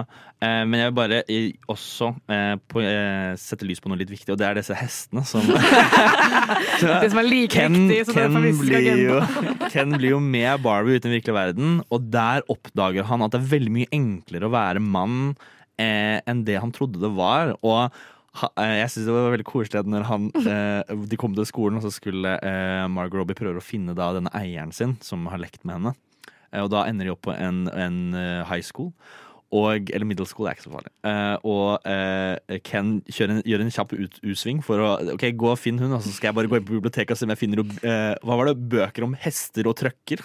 Ja. Det, var sånn, det var en veldig koselig ting, for det var litt sånn Det er egentlig veldig jeg, jeg kan kjenne meg mye igjen i det. Og bare har lyst til å se bildebok om hester og hest og ja, ja, ha altså. en Mojo Dojo Casa House. og, jeg, og det også er en er litt interessant ting, er at når da Ken kommer tilbake og på en måte tar over Barbie-verden, så er det eh, skaperen sitt Mojo Dojo Casa House. Og eh, noe litt uventet skjedde nok. Jeg tror ikke Greta Gerwig var helt klar over hva hun gjorde når hun skrev dette inn i filmen, men dette ble noe som veldig mange plutselig hadde lyst på. Et Mojo Dojo Casa House. Så Men det måte- syns jeg folk allerede har, for det er bare mancave. Bare med et ja, annet navn. Ja, jeg er litt enig. Det var, Ikke med annet navn, men bare med fire navn som betyr akkurat det er samme. akkurat det. Og det var liksom, jeg synes det var litt sjarmerende at det, var sånn, det er ikke så mye vi trenger, men jeg, alle vil gjerne ha et Mojo Dojo Casa House. Og så kan det gå godt hete noe sånn teit som det. Og det er ikke egentlig så mye mer enn eh, Ja, jeg synes det man har lyst på. det er veldig fint at sånn menn også har begjær. Overfladiske begjær. Ja, for det, det har jo alle sammen. Ja. Kvinner har overfladiske begjær. Kvinner, noen kvinner selvfølgelig har lyst til å være som Barbie, være pen alltid, alt skal være perfekt. Noen menn syns Mojo Doro Casa er kanskje sånn det, det absolutt Jeg viktigste. tror bare vi blir Jeg føler at kvinner blir gjort litt mer narr for sine overfladiske hobbyer enn kanskje Jeg- jeg menn til tider. jeg- jeg føler bare Hvis jeg er sånn 'Å, jeg elsker å sminke meg', så er folk sånn 'Faen, du er overfladisk jævla jentehobby', liksom. Og så er jeg sånn 'La meg, da'. Eh, Ja, absolutt. Og, men jeg tror bare Ryan Gosling Han eier den rollen så mye at det er umulig å gjøre narr av ham for alle de dumme tingene han gjør i den filmen. Han spiller den så bra at jeg er overbevist om at jeg vil også være sånn. Og, og det er jo på en måte Da har jeg mista poenget litt, kanskje. Men uh, sånn skjer Det synes jeg ikke. Men uh, vi skal gå videre, og så skal vi ha en litt mer sånn oppsummerende uh, stikk hvor vi har noen fun facts og litt sånn forskjellig å dele med dere senere. Er Inglourious Passages den beste Tarantino-filmen? Nei, det er jo ikke det. Det er ikke det. det er, er det noen som mener noen av dere det? Nei. Sånn helt Ja. Du mener det? Ja. Film er best på radio. Nova Noir. Yes, Velkommen tilbake til vårt eh, avsluttende Barbie mot Oppenheimer-stikk. Og det er jo selvfølgelig veldig trist å måtte avslutte denne fantastiske sendingen. Vi føler kanskje alle sammen at vi har ti millioner ting vi kunne eh, sagt om, eh, eh, om disse filmene. Um, eh, ja, nå jeg bare ble litt distrahert her. Uh, det, er, det er vanskelig å være eh, sendingsansvarlig og følge med på ting samtidig. Ja, sant. Ja, Ja. Jeg, har, jeg har nok med å holde styr på hvor jeg sitter. Så, men vi skal Jeg har fått i på høyre øre her at vi har en liten fun fact yeah. om uh, Oppenheimer som Karin har lyst til å dele med oss. Jeg har faktisk fun fact om begge to. Både Barbie og Oppenheimer. Wow! Yes. En om gangen, da. Ja, ta en om gangen. Jeg kan begynne med Oppenheimer, da. Eh, siden jeg leser boka til, eh, som Oppenheimer er basert på, så har jeg fått en liten inside information om en, en scene som virker veldig kul og veldig sånn wow, han så, prøver å forsvare seg selv. Det er denne scenen der Oppenheimer i kjemitimen sin Min, faktisk. Kjemitimen sin eh, bare suger. Han er skikkelig dårlig i kjemi. Får det ikke til, knuser alt. Er bare, og det var han. Han var dårlig. Det står i boka. Han sugde i kjemi, liksom. Og så har han en lærer som er skikkelig skikkelig fæl Ja. mot han. Som han egentlig ikke var som var så kjip. Han var bare veldig streng og liksom sånn Sier jo det senere i filmen at uh, han likte han veldig godt. Ja, og det gjør han i, i boka også. Uh, og så er det Niels Bohr, fysikeren, på besøk på universitetet hans. Og alle vil dra til den forelesningen, men Oppenheimer får ikke lov til å være med fordi han må rydde opp etter alle andre, for han er en elendig kjemiker. Så han må bli igjen på, på, i laben og fikse opp alt rotet. Og i dette sinnet så forgifter han eplet til læreren sin på pulten med cyanid og drar. Og så kommer han tilbake igjen senere, og han er sånn 'Å, herregud, hva om jeg dreper læreren min? Jeg må jo fikse dette her.' Og løper tilbake til klasserommet der eh, læreren og Nils Bohr står og snakker sammen. Og så står Nils Bohr med det eplet i hånda, og idet han skal ta en bit av det, så er Oppenheimer sånn 'Nei, ikke spis det.' Han er sånn 'Hva mener du?' ah, 'Det var wormhole.' Det er sånn eh, mark i den. Det er ikke sant! Men hva er det som ikke er sant Skjedde med ikke det? eplegreiene i det hele tatt? Det at han kom, kommer bort og er sånn 'Å, ikke spis det, det er markulyden'. Det gjorde han ikke. Det skjedde ikke. Men uh, eplet ble kasta. Nei, nei. Læreren spiste det, og han ble anmeldt for forsøkt drap på læreren Oi. sin. Men han, altså, han har, fakt han har liksom forgifta eplet. Læreren har spist det. Han holdt på å dø. Uh, men fordi det her, det her uh, Oppenheimer er fra en veldig rik familie, så faren hans klarte å lobbye i administrasjonen What? på skolen. okay. Er for å få-. For å få læreren til å legge fra seg den anklagen og ikke sparke han ut av skolen. Han ble, han ble øh, permittert fra skolen. Han fikk ikke lov til å være der fordi han hadde forsøkt å myrde læreren sin. Ja, det vil jeg jo på en måte anta. Men, men han fikk lov til å fortsette på skolen fordi faren hans klarte å betale han ut av det. Shit, ok, Men dette er jo mye mer spennende Ja. enn det som skjedde i filmen. Ja, og dette har. Christopher Nolan skrevet ut av historien. Christopher Fordi da er ikke Oppenheimer så sympatisk og kul allikevel. Shit, ok, Det er litt interessant. Men da kan vi kanskje tenke oss hvis uh, den scenen hadde blitt spilt i svart-hvitt film. Strauss bare hadde prøvd å Ja. drepe læreren Mens vi er på uh, Oppenheimer, så tenkte jeg bare skulle snakke kjapt om dette med uh, eh, filmformatet. For den er filma på IMAX, Mhm. og det har jo selvfølgelig en veldig talentfull eh, kameramann som driver og holder på med dette. Og Christopher Nolan har jo eh, gitt han veldig mye skryt. Holtmann, Holtmann. Holtmann, Holtmann. Eh, har jo, har jo gitt han veldig mye eh, eh, skryt i alle intervjuer hvor han gjør. eh, at han er veldig fornøyd med han, og at han er en veldig arbeidsvillig og flink eh, fyr. Eh, men det som er litt interessant, er at eh, svart-hvitt IMAX finnes ikke. Det er ikke noe. Så det de har gjort, er at de har eh, eh, produsert, altså oppretta, oppfunnet opp et eget ja, Ja, svart-hvitt IMAX-format til filmen. De Og dette her, det nye det er så kult at liksom en filmskaper har en sånn tydelig visjon at han går liksom lengder for å gjøre det vanskeligere for seg selv fordi han vil at det skal være på den måten han vil at det skal være. Og dette minner meg litt om sånn Pixar-filmer hvor alle eh, eh, på en måte animasjonsteknikker eh, som finnes i dag, finnes fordi at eh, Pixar hadde en idé som ikke kunne blitt lagd ennå. Så de fant opp. så de fant opp teknologi for å, for å gjøre det. Sånn som eh, Et veldig godt eksempel er da eh, Monsterbedriften. Dette er stor avsporing fra Oppenheimer, men altså det, for å illustrere poeng.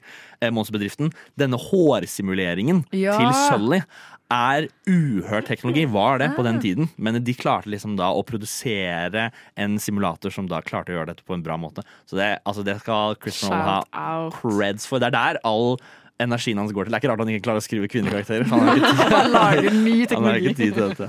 Nei, men eh, Barbie fun fact ble jeg uh, Yes. Jeg har også eh, Barbie fun fact. Eh, det her er jo ikke like sånn uh, eh, sk- sk- skrekkende fact. Det er bare at, eh, som dere vet, i Barbie Barbie er kjent for å være jævlig glad i rosa. Og kler seg i masse rosa klær, rosa hus, rosa ting. Alt er rosa. Kjempegøy.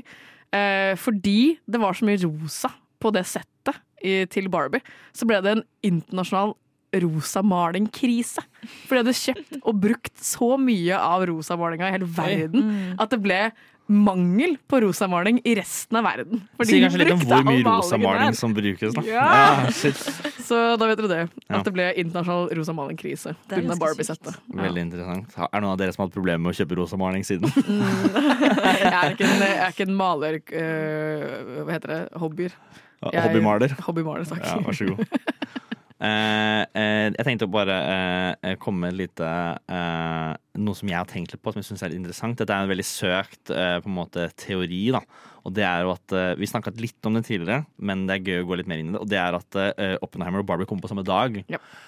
Og så er det litt sånn der Det føler kanskje er litt søkt, men Warner Brothers, som lagde, produserte Barbie, er det tidligere eh, produksjonsselskapet til Christopher Nolan. Det, han har jobbet der tidligere, lagd eh, Batman-filmene, eh, som dere kanskje har sett. Om jeg har. Aha, mm -hmm. Jeg har også den ene. Oi, nei, nei. nå løy jeg. Jeg løy, jeg løy. Jeg har bare sett den første. Jeg har faktisk ikke sett tilbake. Fy faen! Jeg visste Det er jo derfor jeg sorry, det det er. Killian Murphy sin kjekkeste Jeg vet, jeg vet! og, ja, og det er litt gøy Killian Murphy var faktisk der, og det er litt kult å se Killian Murphy på en måte som har gått fra eh, sin første film Han, skulle bli ikke castet som, han gikk jo for å bli casta som Batman, Ja. men han passer jo ikke til det i det hele tatt. Det er helt enig. Men liksom nå, da. Sin første sånn gigantiske hovedrolle i en Christopher Han Nolan-film. var jo teknisk sett hovedrollen i Dunkirk, da. Uh, ja, det er kanskje sånn. Men uh, der var det på en måte syv, åtte, ni hovedroller. Så det på en måte blir litt vanskelig å Da deler du spotlight med veldig mange. Det, Det gjør du ikke her. Du er tre er timer på skjermen. Du, altså, du har kamera opp i trynet i tre timer. Uh, men det er litt sånn spekulasjoner da med eh, hvorfor disse eh, filmene endte opp på samme dato. Og en av de er at eh, Warner Brothers ville ødelegge for Christopher Nolan. Jeg vet det er søkt ikke le. Eh, ja, det jo litt dust ut. Men ville ødelegge for Christopher Nolan sine seertall med å sette filmen på akkurat samme dato. Så jeg tenker sånn eh, Er Hollywood så kynisk? Tror Ja, det? det vil jeg Helt sikkert. Ja, egentlig. Det er jo en profittbasert Det er et kalkulert valg. Altså, Ja. sånn, de, er, de må jo ha visst eh, Det er jævlig altså mange dager i året, ass. Ja. profittbasert industri, da. Du kunne ha valgt en annen! Det tas jo andre som for. Men det er, de, de gjør jo alt for profitt, da. Ja. Så dersom uh, Christopher Nolan forlot Warner Brothers for et annet studio, og de tapte penger på det, så er det jo åpenbart at de har en slags sånn Agenda. ja, agenda for å sabotere han, så de kan få mer penger. For nå skal de tjene alle pengene. Men de har jo tjent mer penger uansett! Ja, Det spiller jo faen meg ingen rolle! Så inn i helvete mye òg. Men jeg vet ikke, ok, jeg har en, en liten sånn ting jeg har lyst til å uh, snakke om før vi avslutter uh, Barbie Oppenheimer. uh, eh, er at eh, det er veldig, veldig mange som vanligvis ikke drar på kino, som nå har vært på kino på grunn av Barbie-filmen. Og Oppenheimer selvfølgelig har man gjort med å stir the pot, men altså det er hovedsakelig Barbie det er dratt for å se. Så jeg lurer liksom sånn Når dere var på kino for å se Barbie, la dere merke til liksom sånn jeg håper å si ufaglærte kinogåere.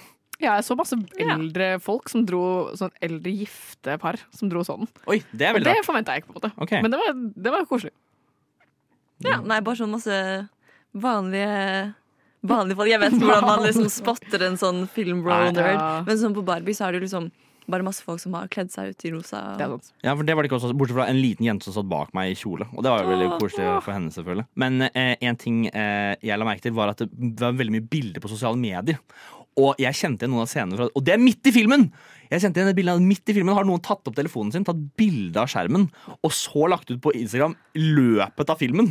Og da ble jeg litt sånn OK, slapp av. Så vi burde sånn der, vi burde holdt sånn kurs, sånn hvordan dra på kino. Men det er sånn mer eller mindre vanlig folkeskikk-kurs.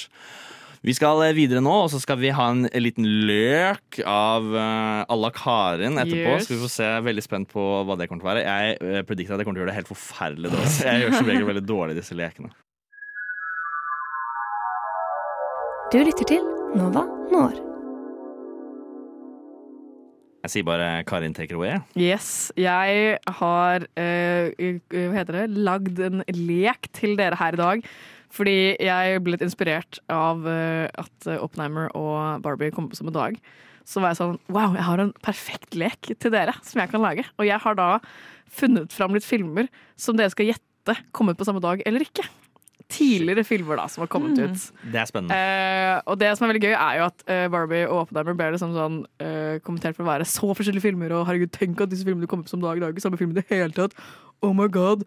Og så var det sånn, hm, la meg gjøre litt research. Og da snublet jeg over en Wikipedia-artikkel som heter Twin Films. Som handler om filmer som eh, kommer på samme dag, eller som ligner. Som eh, kommer på samme år. Det er mye morsomme fun facts om Twin Films. Og så har jeg bare eh, lagd en sånn concoction av dette her, og så skal dere gjette.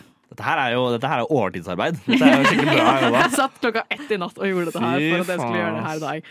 Så jeg bare tenker take it away. Eh, si navnet deres før dere gjetter. Eller Johannes. Eventuelt eh, Så får dere bare bli enige om. Jeg bare begynner rett på, jeg. Eh, jeg skal også fortelle eh, mer informasjon om filmene etterpå. Eh, de to første filmene er The Matrix og Ten Things I Hate About You. Men Anne. hva, hva, skal hva skal jeg gjette på nå? du kan egentlig bare gjette. Hva tror du? Kom den Ja, ut? jeg tror de kom ut samtidig. Tror du at de kom ut samtidig? Eh, nei. Nei, Jeg kjenner- jeg kjenner å være- jeg kjenner å si det samme. Jeg sier nei. jeg. Du tar feil, Johannes. De kom på akkurat samme dagen. De kom ut 31. mars 1999. Vet du hvordan de gjorde det på kino? Liksom, Eh, eh, hvordan resultatene ble? ja, ja, ja. Aner ikke. Tror du det hadde noe med hverandre Eller nei, kanskje ikke. Begge er jo veldig kjente filmer nå. Det er det. Mm, men det er veldig Også- forskjellig, da. De, er- ja, de er veldig forskjellige. Det er litt sånn ja, Mm. Jeg kan tenke er noen det likheter. Så har vi to filmer. Uh, Elf julefilmen og Love Actually, julefilmen. Kom disse ut på samme dag eller ikke? Ab Johannes, absolutt ikke. Det er eh, selvmord. Ehm, oh, nå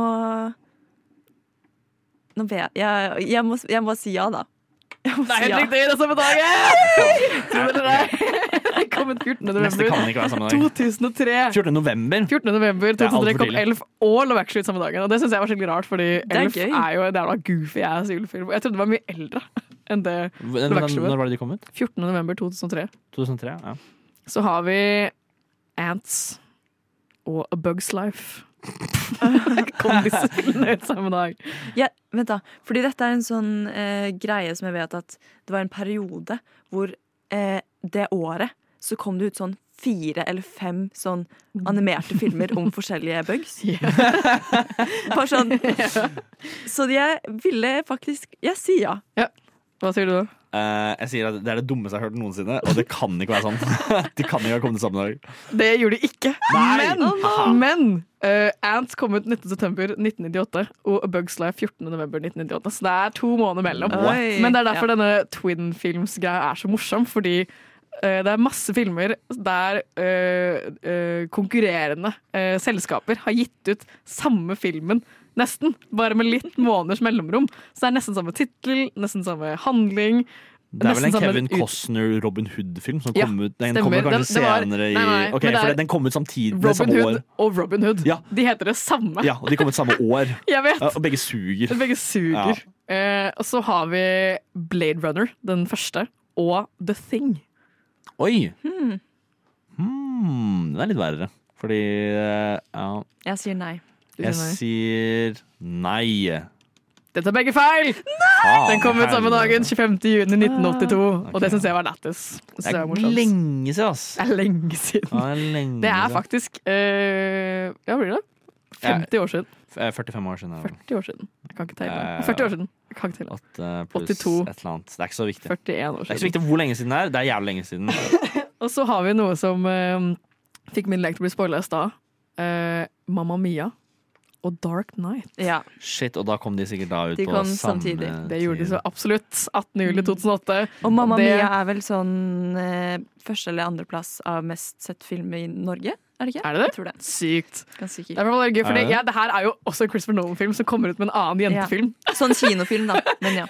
på Den- samme dagen. Shit, det For det er også sånn- The Christopher Ja. Nolan, ikke sant? Og det er bare, for de er jo egentlig mer forskjellige enn det Oppenheimer og Barbie er, syns jeg. Fordi, Det vil jeg også si. ass. ja. Og det er bare så gøy at igjen så blir Christopher Nolan bare rævkjørt. Men det, det, var, det var Dark Knight? The Dark Night, Ja, Okay. Første? Den første. Ja, ok. Um, the next.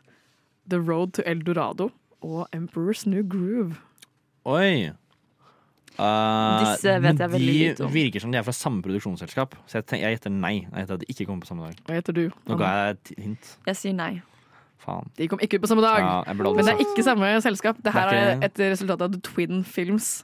Ok. At det er uh, konkurrerende selskap som har gitt ut nesten samme Wow, for film. det, det er mer eller mindre Det er veldig lik animasjonsstil, Ja. men Og eh, så handler, er begge satt i liksom uh, aztekertiden, ja. eller øh, Men Keiserens ja. nye skole eh, Groove. Groove. Men det, det ble jo en spin-off-serie på den etterpå, Ja. den er ganske bra. Men, Så- eh, og den Eldorado-filmen er overraskende bra. Den er. Og overraskende mye sånn seksuelt ladede scener i den filmen, hvis vi ser den tilbake. Ja, du, den der scenen der hun liksom skal suge han fyren. Oh my det er, god! det er en barnefilm, og det er, liksom, det er utrolig sånne impliserte seksuelle ting som skjer i den filmen. Ja, Den kom i hvert fall ut eh, Eldorado kom ut 31. mars 2000, og New Groove 15. desember 2000. Ja, ok.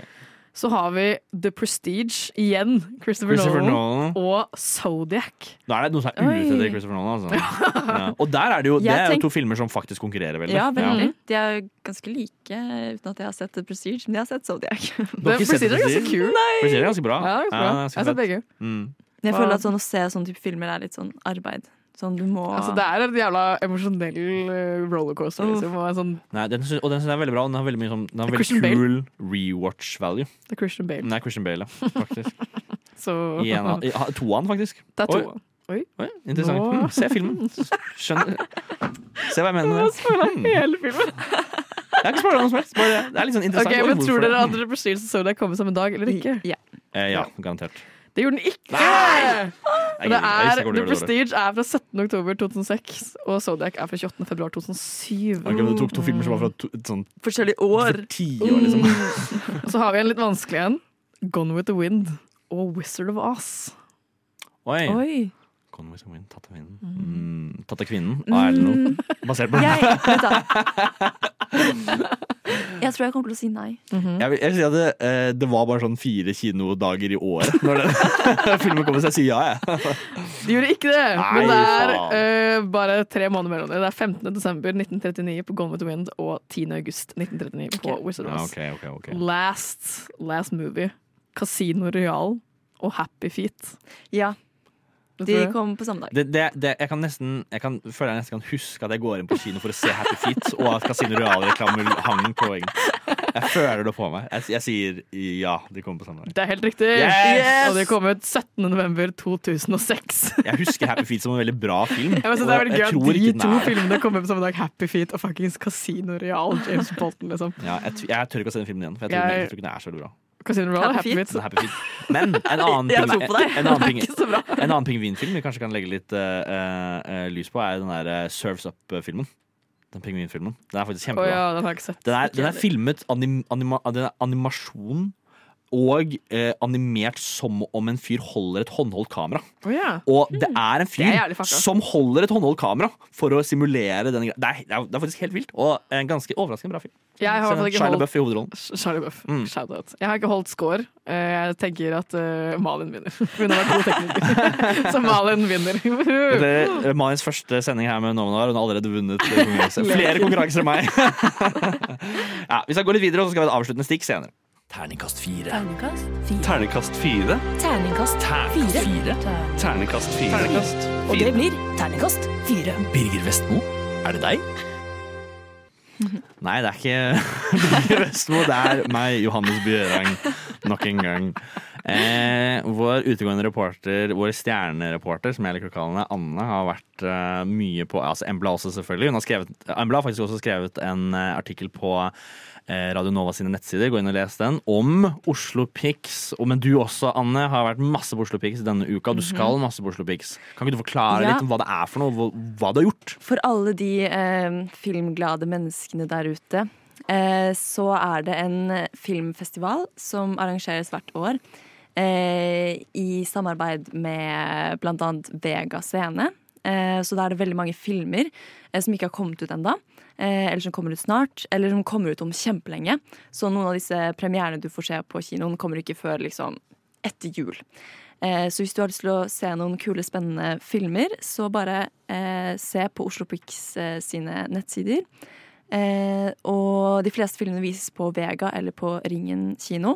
Og det er også mange andre spennende eh, muligheter der. Du kan eh, bli igjen for samtaler etter filmene med regissører. Eh, Jean du Barry skal vises, eh, jeg tror kanskje i morgen eller noe. Da kommer regissøren på den visningen. Hvor kan man finne eventuelle programmer på dette? Eh, på Vega. Eh, Vegascene.no, Ja. eller på Oslo Fix eh, sine nettsider. Mm. Mm. Jeg vil anbefale å ta med egen godteri når du skal på Vegas, for de selger, de selger ikke en jævla dritt. Det er altså så dyrt. Men eh, kjempebra kino. eh, kino. Ja. Bare kino, med punktum, faktisk. Ja. Der. Minus at det er eh, fritt settvalg. Eh, jeg elsker fritt settvalg. Og jeg elsker fritt settvalg. Jeg elsker og- fritt settvalg. Ja, Og jeg hater det. og null reklame før filmen. Den bare starter. Det er Det er litt reklame nå som det er filmfestival, men Ja. Uhørt. du kan også, det er også gratis utekino. eh, som arrangeres i den festivalen. Så Oi. bare søk på det på Facebook. Finn en eh, gratis utkino du vil se. Følg med. Hva er den beste filmen du har sett så langt? Den beste det filmen jeg ja, eh, Ja. How to have sex. Men jeg så også The Sweet East eh, eh, veldig nylig, som var skikkelig bra. skikkelig kul, Den må du se. Jeg kan, man kan ikke forklare den filmen. Den var jævlig spasa, veldig sånn punk. Eh, dra og se den. Fett. Veldig bra. Veldig kult forklart. Punk. Punk. Veldig bra. Jeg fikk veldig lyst til å se den. Eh, jeg tenker vi skal ha litt sånn avsluttende thoughts om eh, Barbie Oppenheimer. Eh, eh, hvem hadde dere valgt? Barbie eller Oppenheimer? Karin? Oppenheimer. For jeg sitter og leser boka til Oppenheimer. Du er åpenbart litt mer investert i Jeg Oppenheimer. skal se den for tredje gang nå om en time, så Ja. På Armax, Armax. som for så vidt var hvordan jeg så den. Anne? Jeg vet ikke om jeg kan se Christopher Nolan sine filmer igjen uten å bare tenke på alle disse kvinnene. Men, Men uh, Killian Murphy, Jeg bare ser for meg at jeg sitter foran i kinosalen og bare hører er henne med sukke. i seks. Christopher Nolan-filmer. Det er nok for meg. Killian Murphy er med i seks år. Ja, det er sant. Killian Murphy. Og det mener jeg. jeg tror, altså, Killian Murphy det er en av de beste performancene jeg noensinne har Ja, sett. Av en, spesielt uh, av liksom uh, biografiske eh, opptredener. Helt- Depictions, depictions, avbildninger. Ja. Mm. Helt sykt. Han, han fortjener en Oscar. Ja, det, og det, det her er jo egentlig ganske spennende Oscar-år, føler jeg. da Mye spen mer spennende enn i fjor. For det, Hva enn det kinoåret som var i fjor var, det orker jeg ikke å snakke om engang. Det var helt forferdelig. Ja, fuck det. Fuck Banshees. Fuck hele Elsker Avatar 2. 2022. Årets vers... Nei, verdens tidenes Jeg, jeg går for tidenes, det er tidenes verste kino. Nei. Tilbake til i år. Barbie Loppenheimer-landet. Det blir jo sikkert Barbie, da, hvis jeg skal gjette. Jeg, jeg ga ba- eh, Barbie to og en halv stjerne. Jeg ga Oppenheimer tre stjerner. Da Så blir det det blir Oppenheimer, faktisk da. Oppenheimer. Ja, Tre stjerner på Oppenheimer. Letterbox. Er tre av fem. Følg oss på Letterbox. Ja. det er place to be. Personlig det, Jeg syns det er et vanskelig valg. eh, og selv om jeg syns kanskje Barbie er en mer sånn approachable eh, eh, film, så tror jeg kanskje Oppenheimer tar full kaka. enighet, da! Ja. Alle Men velger eh, hvordan var det du så den, Anne? Så du den på IMAX? Eh, ja. Ja, jeg Nei, unnskyld. Jeg løy. Jeg vet ikke. Jeg så den, jeg så den på Cinemateket. Jeg sa det i stad, så jeg Ja. så den på Cinemateket 17 mm. Uten undertekst. Vi må ta en samtale etterpå om den ljuginga. Jeg er veldig Eh, glad for Jeg så den på 70 mm for min andre gang, men det var med tekst, og det var veldig deilig. Fordi jeg hører jo ingenting. Ja, jeg så den på IMAX, og da med tekst. Men jeg skulle ønske jeg ikke hadde sett den med tekst. Men jeg syns det er slitsomt å se med tekst, og det, tar, det, det får Si, ta øynene men man mine vekk. Si det er. etter at du har sett Clockwork Orange uten tekst. Okay. Fuck deg. Det, var det verste jeg har vært med på hele mitt liv. Ja, men sånn Dritbra tekst film, generelt, men spesielt, herregud. spesielt norsk tekst på engelsk film, syns jeg er veldig Elsker rart. Ja. I'm so much better at English, som jeg pleier å si. De som studerer norsk. Det har vært veldig hyggelig å være her med dere i dag. Karin Anne, Malin bak spakene, men spakene i gåstegn, for det er ikke egentlig spaker, det er mer knapper. Jeg er uenig med deg med denne definisjonen. Dere får bare komme og se selv. Nå ringer faren min her, så vi får bare Så vi må bare avslutte denne sendingen. Vi er tilbake neste uke ty til tolv hver torsdag, faktisk. Vi vet ikke helt hva sendingen skal handle om neste gang, men det kan nådig være noe mindre spennende enn det har vært i dag. Oho, alltid det- spennende. Det er alltid spennende Ja. her på eh, Nova Noir. Søknadsfrist for å eh, Den er tredje et eller annet. Tredje september. Ja, det er veldig snart. Gå inn på Radio Nova sine nettsider, søk dere inn. eh, Da kan dere bli en del av oss. det er, jeg, som- det er jeg som bestemmer, så eh, skriv masse masse pent om meg, så er det mye større sannsynlighet for å få lov til å være med. Ja, det er selvfølgelig bare tull. Takk for i dag. Ha det bra!